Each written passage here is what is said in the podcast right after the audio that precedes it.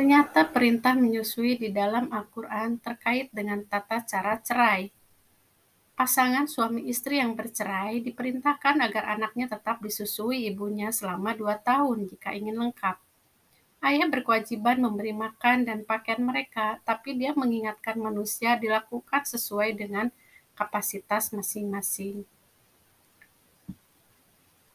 Jangan sampai ibu atau ayah dibuat menderita oleh anaknya, juga termasuk warisnya. Jika mereka menyapinya sebelum lengkap dua tahun, boleh asal ada kesepakatan yang diridhoi keduanya. Juga tak salah jika disusui oleh wanita lain jika dibayar dengan ma'ruf. Semua dilakukan dengan dasar takwa dan ilmu. Dia paling melihat yang diamalkan. Ini dipaparkan karena dalam Islam anak memang hak ayahnya. Tentu banyak perdebatan tentang hal ini. Zaman sekarang banyak istri ingin hak kepengurusan anaknya sampai dewasa. Kita harus lebih dalam menggali ayat-ayat Tuhan tentang keluarga agar tidak menuduh Tuhan tidak membela hak-hak wanita.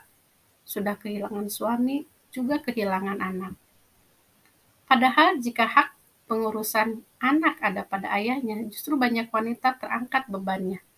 Bukankah banyak istri yang harus menghidupi anaknya tanpa dukungan finansial suami yang pergi begitu saja? Memang tidak mudah bagi wanita kehilangan keluarga, tapi tak pernah mudah juga jika wanita yang harus bertanggung jawab atas anak-anak mereka. Masa idah mereka yang ditalak hidup tiga kali head mereka yang cerai mati harus menunggu selama 4 bulan 10 hari. Setelah selesai masa idahnya, maka tidak salah bagi istri melakukan apa yang dikehendaki dengan ma'ruf. Tuhan atas yang mereka amalkan paling memberi kabar. Selama masa idah, maka tidak salah jika ada pria yang memberi kode. Tapi tidak boleh berazam akad sampai selesai masa idah sang wanita. Tuhan mengilmui apa yang ada dalam diri seseorang. Semua harus dilakukan atas dasar takwa dan didasarkan ilmu. Dia paling pengampun, paling pemurah. Sungguh menarik aturannya tentang menikahi janda. Janda dibebaskan dari kungkungan keluarga suami.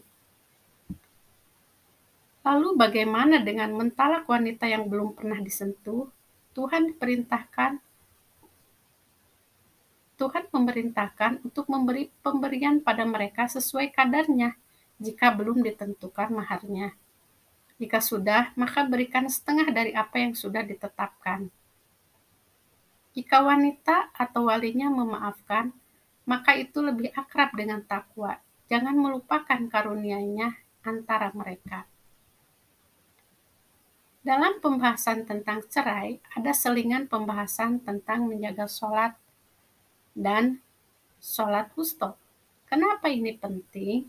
Karena pernikahan adalah bagian dari ibadah seperti juga sholat. Bukankah dari tadi kita diperintahkan mendasari relasi suami istri atas ketakwaan? Maka tidak ada pemisahan jenis ibadah keduanya sama-sama penting. Kata sholat dimaknai doa ternyata bukan asli dari bahasa Arab, merupakan serapan dari bahasa Ibrani.